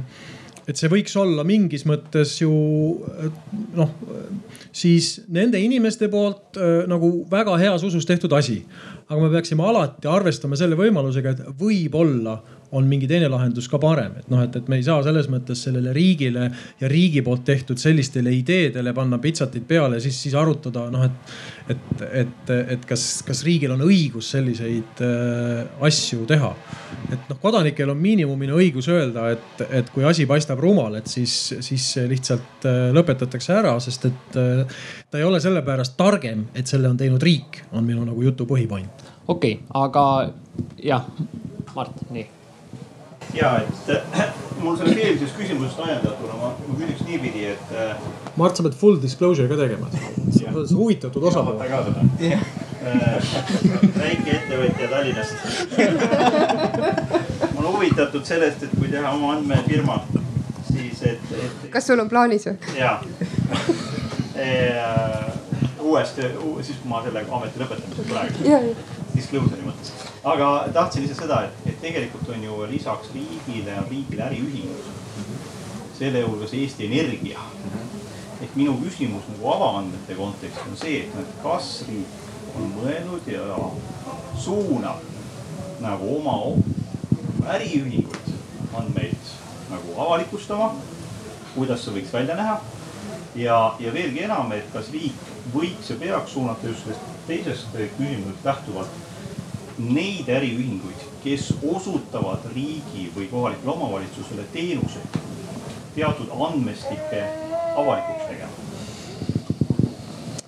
nii, kes siis esimesena? ma mainiksin võib-olla niimoodi, et äh, jah, on hea, kui me saame sinnamaani, et ka need, mis on riigi osalusega ettevõtted ka teeksid oma info nii-öelda avalikuks. aga minu mure, mis ma enda asutuse poolt ka näen, et äh, saaks riik esmalt oma tööga hakkama. ehk siis oma andmed avalikuks panna, need, mis on avaandmed, ma mõtlen. ja noh, see, kas hakata heaga või sunniga need äriühinguid oma andmeid avaldama. noh, see võib olla, kui see on sunniga, siis see on ju, peab olema regulatsioon ees, niisama ei, nad ei nii-öelda ei allu sellele sunnile põhimõtteliselt. aga heaga üleskutse mõttes, kui ettevõte, kes, kelle käes need valduses need andmed on, soovib neid avaldada, siis see on minu arust on teretulnud ma, ma läheneks sellele küsimusele ikkagi niimoodi, et, et, et noh, on avaandmed, minu andmed, andmed, noh, need on, need on tervik on ju, need on kurat, need on andmed. ja, ja, ja siis on paika pandud mingisugused regulatsioonid, kuidas keegi, mis alusteni ligi pääseb, on ju. kui me vaatame tänu neid samuseid riigiettevõtteid, siis neil ei ole mitte mingit tehnoloogilist lahendusi neid andmeid nagu ühte või teistpidi kasutada, et kui me homme päev võtaksime välja mingi regulatsiooni, et mina saan Eesti Energiast oma andmeid ilusti kasutada, siis täna ei olegi mitte keegi tehnoloogiliselt selle peale mõelnud, on ju. seesama probleem, mis on avaandmete avaldamisega ka avalikul sektoril on ju, mitte keegi pole infosüsteeme kunagi niimoodi isegi üles ehitanud, et seda infot sealt võiks saada kasutada, on ju. jumala eest kasutage kogu info, mis igale poole tekib see võiks olla kasutatav, see on nagu esimene reegel. ja lihtsalt nüüd ongi see raamistik vaja kokku leppida, kuidas neid andmeid kasutada, et see info on võimalik, andmed on võimalik kätte saada, sellest on võimalik tekitada mingit infot ja siis sellest on võimalik mingit teadmine tekitada. aga seda ei saa nagu ühe vitsaga lüüa igale poole, nii et kõik riigiettevõtted, kõik eraettevõtted, jumala eest. kõik, kõik andmekanalid tuleb avada, aga lihtsalt mitte kõigile, vaid mingite raamide alustel. äge mõte, kunagi tekkis Saksamaal maailma üks suurimaid või Euroopa kõige suurem andmeettevõte, kusjuures tekkis äh, Saksamaa riiklikust energiaettevõttest, kes hakkas müüma nende inimeste andmeid ja nüüd on täna ta üks Saksa suuremaid andmeettevõtteid. iseenesest äh, see märkus, et, et äh, meie riigi infosüsteemid on, on tegelikult ütleme noh, moraalselt vananenud, ütleme siis niimoodi, mitte tehniliselt niivõrd, aga, aga just nimelt, et nad ei ole selle info äh, info analüüsi peale üles ehitatud. see on äh, täitsa õige märkus iseenesest. Äh, sest et noh, kõik need andmed, mis on kas siis riigi käes või ka riigiettevõtete käes, ega ähm, me ei pea neid andmeid ju nägema ja kätte saama isikustatud kujul alati. Võiks see... ka isikustatud, kui mina tahan, tahan isikustatud, siis saab ka, et see kanal on sama et me saame sealt ilma isikustamata, aga saame ka isikustatud, kui vaja. tead, ütleme siis niimoodi, et mina väga ei ole huvitatud, et, et, et minu elektritarbimise andmed nagu personaalselt niimoodi mööda maailma ringi rändavad. ei, ei, ei, siin ongi see raamistik. aga, aga no just nimelt, et, et, et, et need meie äh, infosüsteemid ei võimalda ju ka sellist lihtsat anonüümimist näiteks, eks ole, et, et sa ei, sa, sa peadki andma kõik andmed nagu täies mahus välja või ei anna mitte midagi, eks ole et, et need infosüsteemid ei ole juba niimoodi üles ehitatud. ma Eesti Energia omadest ei tea veel mitte midagi, eks ole, aga, aga ütleme siis sellised riiklikud registrid ei ole ka niimoodi üles ehitatud, et, et sa saaksid neid äh, nii-öelda tükkideks võtta, et sa, et sa esitad ainult, ma ei tea, noh Äh, andmed selle kohta, et, äh, et, et, et kui palju neid inimesi on, kas nad on mehed või naised, kui vanad nad on või siis äh, millistes maakondades nad elavad, eks ole, et sa pead kogu nimekirja esitama ja siis noh, ajad seal näpuga järgi, et ahah, need on kõik Harjumaal on ju. nii, Ain ja ma arvan, et me saime praegu tegelikult äh, pihta sellele, kus seda probleemi lahendama hakata. ehk et äh, meil ei, meil on täna nende andmete kogumise hind äh, on, on, on väga kallis. ja kui me tahame nad veel kasutatavaks teha, siis nende hind veelgi suureneb. Ja nüüd ühelt poolt, kui keegi soovib neid andmeid kasutada noh, siis ta just nagu ütleb, et need andmed on teil olemas, aga, aga ta ei ole nõus seda, seda hinda maksma. kui nüüd riik teeb need andmed kasutada, ma tõesti selle äriregistri kahe euro osas eh, noh, pigem ma tajun, et tõesti see, see, see hind on ka just nimelt nüüd selles tähenduses, mis ma enne ütlesin, suvaline. Et oleks nagu paslik arutada, kas ta peaks olema kaks või üks. aga, aga, aga üleüldisemalt see on, see on tegelikult, see ei ole triviaalne küsimus tervishoius Ühendriikides on, on tänaseks teada näide et, et äh, nelikümmend protsenti arstidest Ühendriikides täna ei valiks seda elukutset uuesti kui nad läheksid sinna minema, kõik võivad, arstid on õudselt hästi elavad, nende palk on tõesti kümme korda suurem kui Eestis. Ja kõige olulisem, esimene põhjus, mis neil on, on infosüsteemid. et kui meie arstid kurdavad, et IT on nõme ja ei tööta ja on, on vastik, siis uskuge mind, see on, see on universaalne probleem. ja üks põhjus on selles et valdav osa sellest väärtusest tekib nende andmete sekundaarsel kasutamisel ehk et mina, eks ole, teen noh, ütleme, kui arst teeb minu kohta mingi analüüsi, siis ta teeb tõesti minu kohta täna otsuse. aga, aga ütleme tulevikus kümne aasta pärast on kümne aasta jooksul tehtud üksikute või kogutud andmete väärtus on vot tolle hetke otsuse jaoks kõige suurem väärtus aga seda raha ei maksa nendele kümne aasta jooksul andmeid kogunud arstidele keegi õigesti kinni või vähemasti keegi ei mõtle, kuidas nende vaeva vähendada, et neid andmeid kokku koguda. meditsiin on lihtsalt valdkond, mida ma tunnen väga hästi. ma kardan, et meil on sama olukord igal pool mujal ja kui me nüüd tahame siis uut andmeühiskonda ehitada, vot siis Ott, sinu ülesanne minu meelest on tõesti aidata poliitikutele kõigile aru saada, et nemad võiksid sõnastada kolm eesmärki, mis nad tahavad saavutada, iga minister näiteks. ja siis tõesti vaadata, et kuidas kogu see andmevoog alates tekkimisest ja lõpuks kasutamiseks oleks nagu võimalikult nagu, nagu mõistliku energiakuluga. me võime rohelist energiat pööritada palju me tahame, aga, aga aeg on meil konstant ja, ja kui meil nii-öelda inimesed seda andmeid ei jaksa korjata, siis ei saa sina neid ka kätte ei tasuta ega, ega raha eest. küll mina saan, aga, aga ma, ma tahtsin riiki kiita ka korraks. Või no öelda, et asi ei ole nii hullusti, et see, et me siin kirume riiki, et infosüsteemid on kehvad, andmed ei liigu, no kõik see on, need on kasvuraskused tegelikult, et kui me läheme ka erasektorisse, ega sealt parem ei ole on väga vähe ettevõtteid, kes midagi oma klientide andmetega tegelikult teha oskavad, see on alles nagu sihuke, see on mingi tärkav teadmine ja, ja ma arvan, et selle rääkimine avalikult ja mitteavalikult ongi see, mis selle teadmise ka erasektorisse viib. mulle meenub lihtsalt üks vestlus ühe, ühe toreda pangajuhiga. ma küsisin, et kuulge, et teil on nagu vägev onju, noh kõik kaardimaksed, no kõik, no sa tead, kus ma elan, söön, kus ma magan, kõik on teada mis te teete nende andmetega? ta ütles, Marko ära räägi, me ei oska midagi nendega teha onju. et noh, ja see, ja see on nagu sektor, kus andmeid kasutatakse nagu kõige rohkem ära, et, et ei ole riigil midagi nii hull, aga, aga, aga saab ka paremini. okei okay,, ma nüüd kasutan seda võimalust, et küsida publikult ja liikuda järgmise teema juurde, milleks on siis äh, taustal toimuv, toimiv riik. et äh, tõuske püsti, kes teist siis äh, tahaksid, et riik teavitaks, kui ettevõte, kellelt teenust, kaupa ostate Äh, läheb tegelikult selleks hetkeks, kui te selle teenuse kauba kätte saate, pankrotti. Et kes teist tahab, et riik sellist infot teile annab teada? kordan ühesõnaga. küsi seda ka, et kas te tahate olla see ettevõtja, kelle ettevõtte kohta seda öeldakse? ei, seda, ärme seda küsi. kodaniku vaatest, kas te tahaksite teada, kui te näiteks, äh, ma ei tea, tellite e-kauplusest, äh, ma ei tea, särgi et see aeg, kui see särk peaks kunagi kohale jõudma, tegelikult on see ettevõte juba pankrotti läinud. või reisibüroo. või reisibüroo, vana klassikaline reisibüroo. Tellite ära, tõuske püsti, kes arvavad, et see info võiks olla avalik ja, ja ma küsiks siis, et noh, et kas jääte seisma, kui te tahaks olla see ettevõtja, kelle kohta seda informatsiooni antakse? jah, kõik, kes töö. nii, aga siit äh, lähmegi siis. Kai, miks ei võiks olla see info avalik? meil on, mul on siin vasakul käel üks eraettevõtja. Ei jumala eest, ma, ma kuulan hea meelega. et, et tema on võib-olla parem vastaja, aga äh,, aga siis äh, mm, minu arvates ei peaks riik sekkuma sellistesse asjadesse. ja.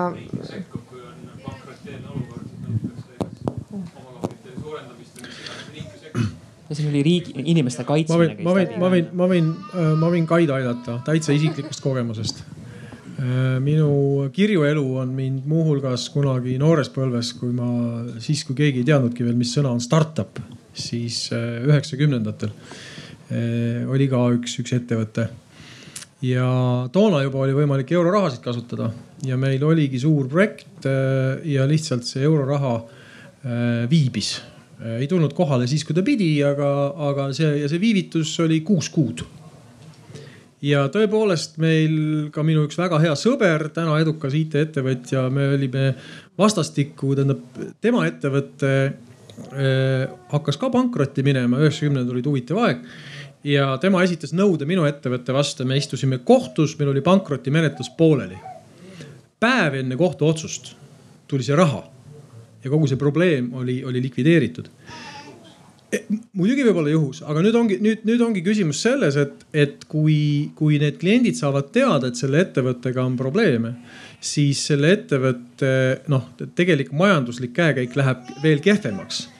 sellepärast, et äh, ka need potentsiaalsed kliendid, kes võiksid tulla, jäävad tulemata selles, selles kartuses nii et nii lihtsalt esitatud küsimusele ma arvan, et, et, et ei küll aga võiks olla minu meelest täna ju needsamad ettevõtted, kes sealt registrist neid andmeid saavad hoolega.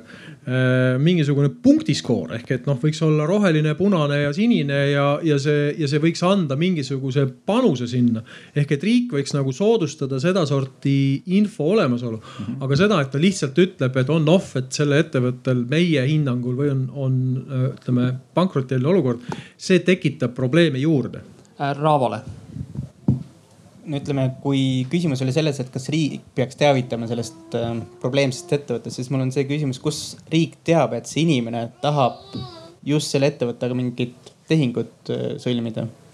jutt oli tehingut sõlmitud juba. no küll riik teab. ja aga. no räägime.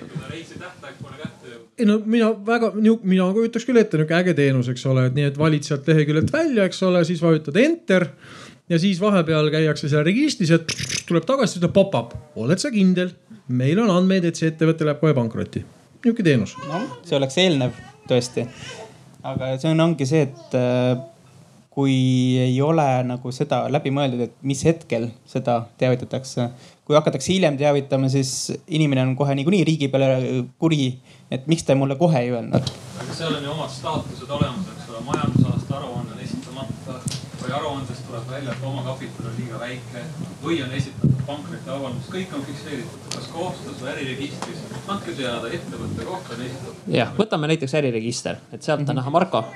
ma, ma, ma tooksin selle hoopis sinna, et, et see üliäge, noh, kõik need mõtted on nagu üliägedad, aga tavaliselt, kui riik mingites kohtades on proaktiivne, siis lõpevad asjad kehvasti sellepärast, et inimene läheb töölt ära, vahetab töökohta, inimene võib-olla ei ole enam nii proaktiivne ja nii edasi ja nii edasi. Need protsessid tahavad, võtavad aega ja kõik, mis puudutab sihukest valdkonnas suunamist, jumala eest, riik võiks selle nagu suuna kätte näidata, aga ära ise hakka tegema. ma, ma, ma näiteks äh, ma noh, keegi veel ilmselt seda väga ei tea, aga maksuamet, no tema teab ettevõtte kohta kõike kogu aeg maksad makse või maksa, kui palju maksab, ta teab, palju kõik teised ettevõtted maksa maksavad, palju teistel nendel kohvikutel töötajad on, kes sinu kohviku kõrval on ja palju neid pealt makse makstakse. ja teate, maksuamet skoorib ka neid ettevõtteid ise, meie raha eest on mingisugused mudelid ehitatud, mis, mida siis kasutatakse ettevõtete kontrollmehhanismis ära ja nüüd maksuamet mõtles, et oh, kuule teeks selle ettevõtetele selle info ise avalikuks. noh, üliäge, mina saangi näidata, et näete, et mina maksan töötajatele korralikku palka sama palju kui teised ja tead, kasutage seda infot, onju. aga ma tahaksin, et see asi jõuaks veel sügavamale, ma tahaksin, et kogu selle info saan ma kuidagi väljapoole maksuametit, ei oleks ainult riigis kinni, sest et see annaks võimaluse võib-olla mõnele eraettevõttele ehitada neid mehhanisme, süsteeme ja, ja, ja, ja hinnangute andmise eh, mudeleid oluliselt palju täpsemini ja paremini ja võib-olla maksuamet siis ühel hetkel läheb mõne ettevõtte juurde, kuulge näidake mulle seda mudelit, mis te just tegite, see on ülipõnev. teate, ma saan selle järgi palju paremini maksutulu koguda, onju. et eh, ta on, ta on ikkagi nende algandmete taga kõik kinni ma selle näite lõpetuseks küsiks seda, et mis on selle, mis on selle teavitamise eesmärk? Et äh, mis on see probleem, et noh, õigusloomes on hakkama alati pihta sellest, et noh, mis see päriselu probleem on. see päriselu probleem on see, et, äh, et, et me ei taha, et inimene äh, jääb oma rahast ilma ja jääb oma reisist ilma, siis kindlasti on olemas pakettreiside puhul noh, on see ka päriselt olemas, eks ole. kohe jõuan selleni, mis see, et on erinevaid muid meetmeid, mis ei ole selle ettevõtjale jaoks nii fataalsed. et noh, üks asi on näiteks kindlustus, eks ole, samad pakettreisilepingute puhul, kui sa neid pakud, siis sul peab olema kohustuslik kindlustus selle just nimelt olukorraks, kus kuu aja pärast see reis mingil põhjusel ära jääb, kas siis sinust olenevalt või, või sinu äh, äripartneritest olenevalt. et, et alati tuleb tuleb küsida kõikide nende teenuste puhul, et noh, mis on see eesmärk, mil, mille jaoks me tahame seda teenust pakkuda, äh, keda me tahame siin kaitsta? Ja kas see on nagu kõige äh, noh, nii-öelda neutraalsem äh, võimalus seda pakkuda? Okei. Okay., aga ma liiguks natukene võib-olla kodanikukesksemaks et äh, täna räägime ikkagi nendest sündmusteenustest, proaktiivsetest ja see tähendab äh, teenuste nii-öelda aktiiv, nii-öelda automaatseks muutmist, mis mõjutab tõesti inimest. et võtame näiteks äh, sellesama tervisevaldkonna, kõigile väga tundlik. et kui nüüd siin permeedi ja geeniandmete pealt kõik muu ilusti tuleb välja, et näiteks, et inimesel on suur risk, ma ei tea, diabeediks või midagi kolmandat. kas riik peaks sekkuma?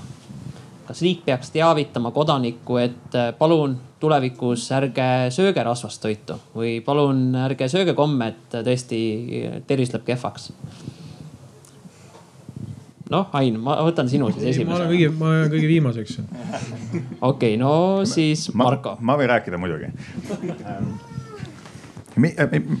kes see riik on, on ju, et me jällegi mulle meeldis selle eelse sõnastus on ju, mis kuradi riik on ju.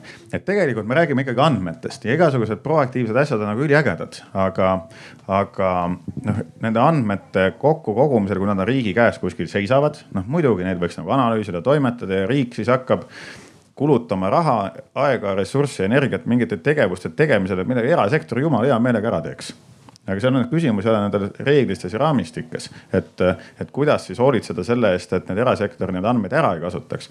minu arust ei tohiks või ütleme, et see proaktiivsus on hea mulle väga meeldiks see, kui keegi ütleks mulle, et kuulge, et sul on diabeet tulemas, sest sa sööd kummikomme on ju, noh üliäge oleks ju, pange, ristake kokku minu poes Prisma või Rimi või see Stockmanni kliendikaart ja ristake ta kokku selle Tervise Arengu Instituudi terve elu mingi toitumiskavadega on ju, pange kokku. no kas jääks selle riik tegema? Ma ei ole selles nii kindel, et seniks, kuni meil ei ole mingit raamistikku, et kuidas, kuidas nende inimeste huvisid ja, ja võimalikku ohte nagu maandada ja, ja, ja, ja need andmed töödeldaks nii, et ohtu ei teki noh, siis riik võiks sellega algust teha. aga kui riik jätab selle teadmismonopoli enda kätte, siis noh, see innovatsioon teadmiste valdkonnas väga kaugele ei jõua. nii, Kaivi Raavo ja no ütleme siis niimoodi, et, et mina ei tahaks äh, hommikul avada äh, oma postkasti ja leida sealt äh, kelle iganes Sotsiaalministeeriumi, TEHIK-u, Tervise Arengu Instituudi või kellegi kirja. et, et suure tõenäosusega te hakkate siin lähema, ma ei tea, kolme aasta jooksul põdema sellist, teist või kolmandat haigust.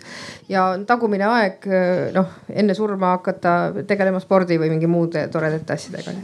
et ähm, noh, ma tahaks tegelikult noh öelda nagu seda, et, et üks asi on, on see erasektori küsimus on ju, et minu arvates ka riik ei peaks tegelema igasuguste äh, igasuguste asjadega, millega inimesed noh, ise peaksid tegelema.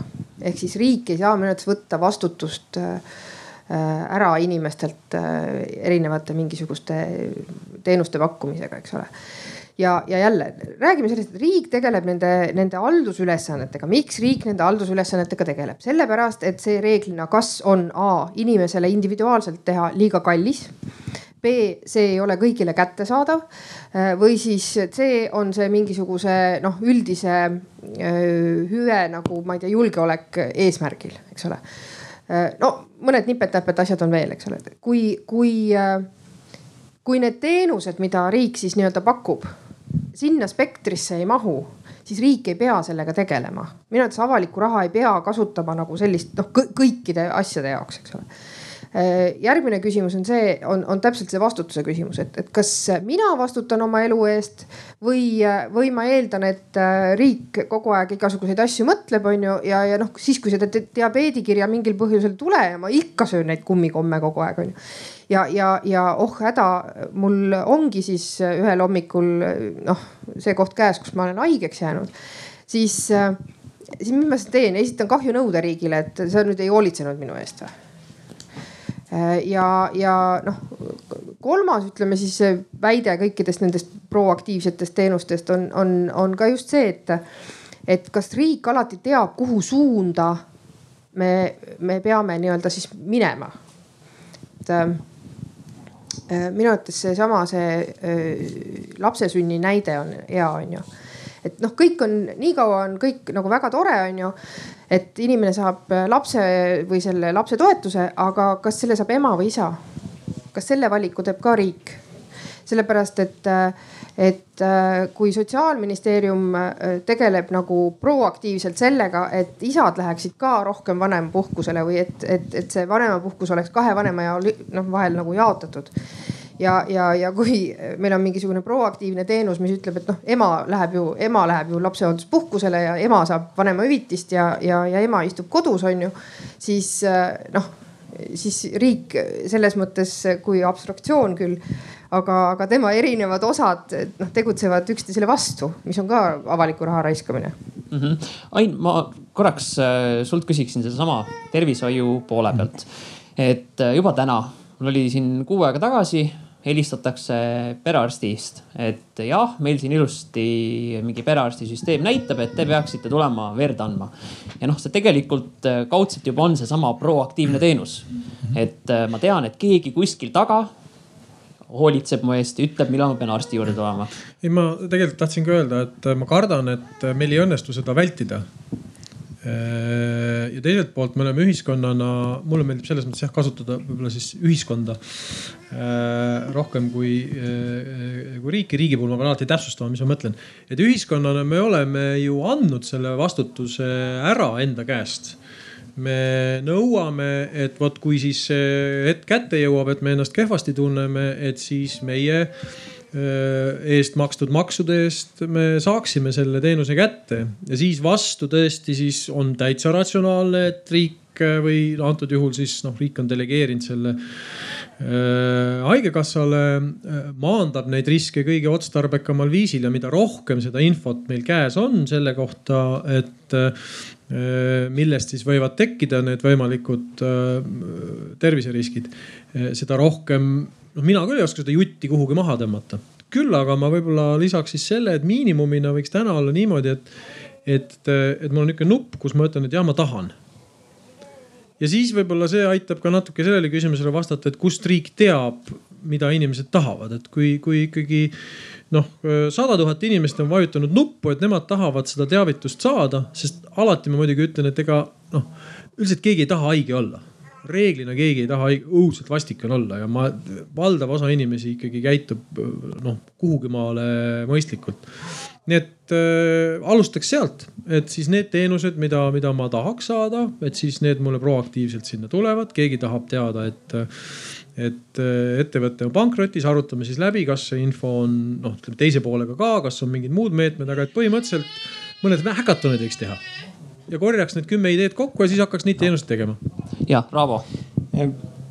mina pean nüüd tooma välja natuke teise nurga ka veel sinna juurde, et äh, siin tuleb vaadata mitte ainult sellest, et mis on no, inimestele ka hea, aga ütleme, üks pool on ka see, et äh, kuna ma olen jurist, ma pean seadusest rääkima, et siis meie põhiseaduses on ka öeldud, millal tohib eraelu puutumatust ju riivata. riiva, riivamine tähendab samamoodi sekkuda ja siis oma olemuselt ka seda, et millal riik saab proaktiivseid teenuseid pakkuda.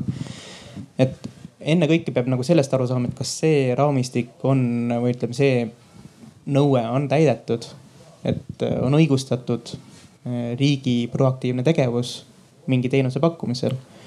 jah, nii nagu Ain ütles, et üks mõte on tõesti see, et inimene ütleb, et ma tahan seda, seda, seda riigi käest saada ja siis mingi hetk, kui see sündmus tuleb, siis pakutakse talle seda teenust või toodet, mis iganes siis on. Aga noh, ütleme senikaua, kuni inimene ka ei tea, mida ta tahab. kas hakata talle pakkuma, et tullakse, käiakse andmekogudest läbi ja koputatakse uksele, et kuule, sa ei tööta, sa ei tee midagi, et kuule, me hakkame sulle sotsabi pakkuma, tahad või? kas see on see, mida inimene tahaks?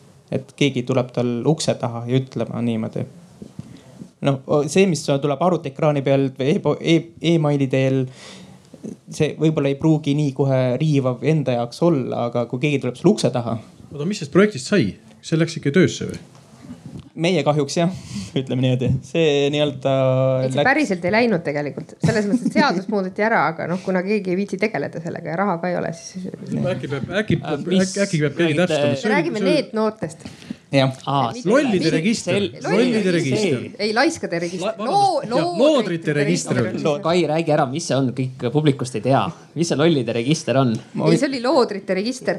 see oli ähm, ehk siis ne, inglisekeelne lühend on NEET, eks ole, N-E-E-T, NEET noored.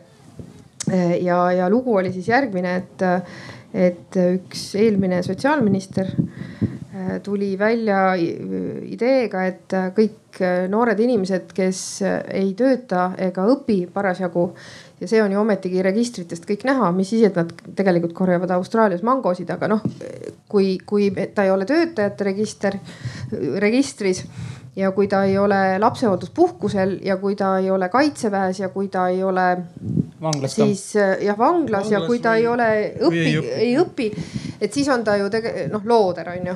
ja, ja potentsiaalne siis oht ühiskonnale, sellepärast et äh, noh, ta ei saa haridust ja ta, temast saab kindlasti töötu ja, ja, ja siis ta tahab hakata sotsiaalabi saama ja, ja, ja noh, tast ei ole mingit kasu ühiskonnale et noh, hoolimata sellest, et ta ikka neid mangosid veel samal ajal korjab, aga siis mm, ja siis taheti teha äh, register või noh, ütleme siis mitte register, aga, aga, aga et riik kõigepealt äh, noh äh, skännib kõik need äh, või rehitseb kõik need erinevad registrid läbi ja siis noh, tuleb mingisugune nimekiri inimestest või noh loodritest siis on ju.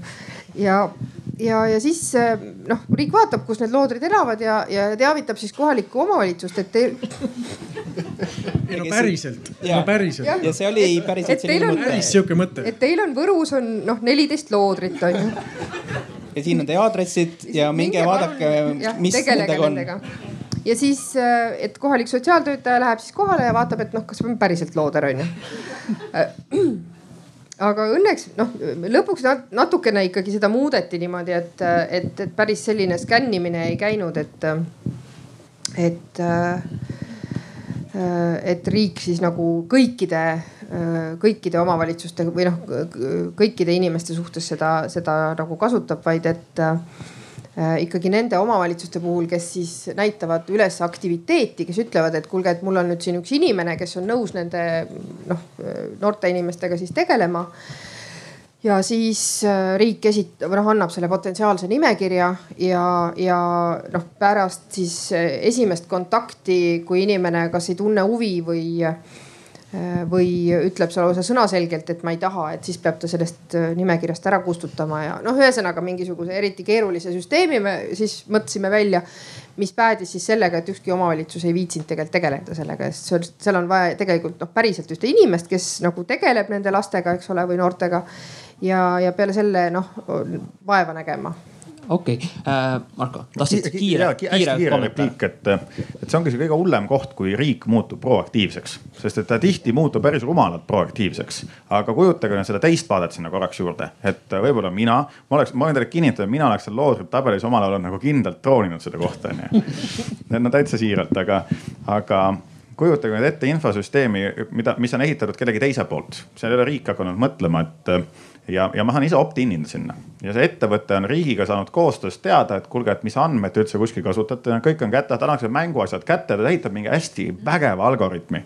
et mina selle loodrina lähengi kuskile veebilehele ja ütlen, et tahan teada, kas olen looder annan nüüd nõusoleku, et näed sa, ma tõmban nüüd riigi andmekogudes need andmed kokku, onju. ja tead, me hinnangulise nõusoleku või selle hinnangulise teadmise sulle nüüd ütleme. ja põmm, saangi teada, sotsiaalne skoor no põhimõtteliselt on ju, aga, aga, aga kui seda teeks eraettevõte, siis ta ilmselt teeks seda targemini kui riik sellel hetkel, sest tal on mingi huvi selle kõigega. aga täna, miks ta seda teha ei saa, on see, et tal ei ole seda infot võimalik kasutada, isegi siis, kui mina loodrina tahaksin teada, kas ma olen looder või mitte nii, aga hakkame siin vaikselt kokku tõmbama, võtaks ühe publiku küsimuse, kui on.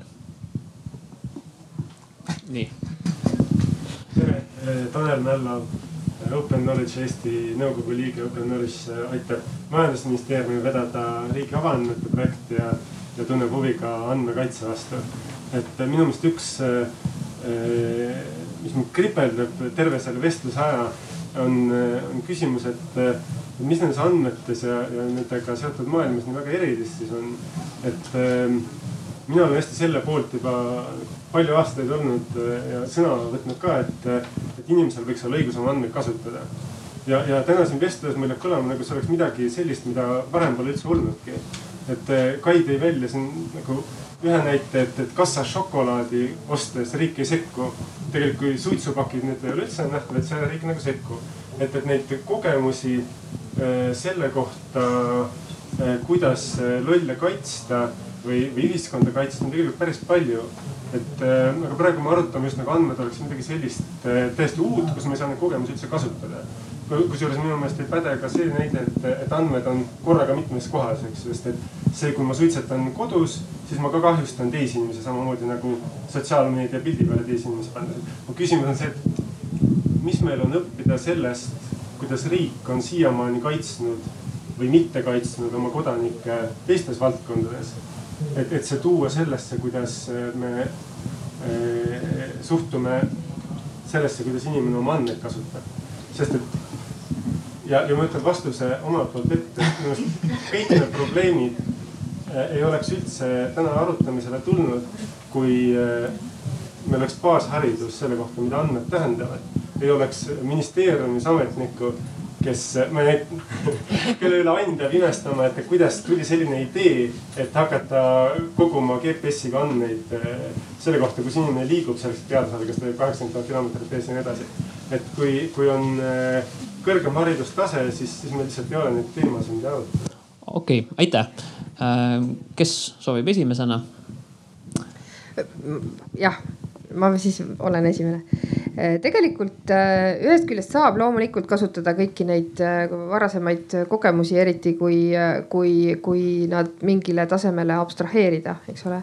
teine asi on see, et noh, kas need alati aitavad, on ju, et, et minu arvates see, et et suitsupakid ära korjati ja mingisse valgesse kappi pandi. noh, see tegelikult suitsetamise vähendamise või, või, või suurendamise suhtes on, on marginaalne, et pigem pigem aitab seal noh, hoopis mingisugune muu asi on ju, noh kasvõi näiteks see, et, et kui sul ei ole noh tööl majas suitsuruumi ja sa pead minema talvel õue, siis, siis noh, ma olen, ma olen kolmes Äh, hoones näinud seda, kuidas inimeste hulk, kes suitsetavad, noh kogu aeg väheneb, sellepärast et noh, talvel on õues külm ja, ja eriti seal selles uues majas nüüd keegi ei viitsi sealt kuskilt neljateistkümnendalt korruselt äh, alla ronida, onju. et ähm, äh, teine asi, mis puudutab andmetes või mis seal on nagu erilist, eriline ongi see, et, et sa ei saa neid pärast kätte noh, kui nad nagu ula peale lähevad, siis, siis neid tagasi kokku korjata on, on üsna keeruline et noh, seesama õigus olla unustatud on, on, on paljuski ju ikkagi fiktsioon. nii, kas keegi soovib veel kommenteerida? Ja ma lisakski just, et just see, et, et ikkagi see, et nad on mitmes kohas, tähendabki seda, et, et kui nad on läinud välja, siis sa ei saa neid tagasi. ja teine asi on see, et Eh, noh andmetest, eh, eriti nüüd, kui me oskame sellest teha informatsiooni, siis sellega on võimalik, me teame inimesi kontrollida, manipuleerida. Ja, ja see on noh, niisugune, niisugune risk, mida me lihtsalt ei tunne veel, nii et selle tõttu see ettevaatus. sinu küsimus oli selles, et mis on andmetes nii erilist, et ma arvan, et nad ikka on erilised, noh igalühel meeldib tegeleda eriliste asjadega.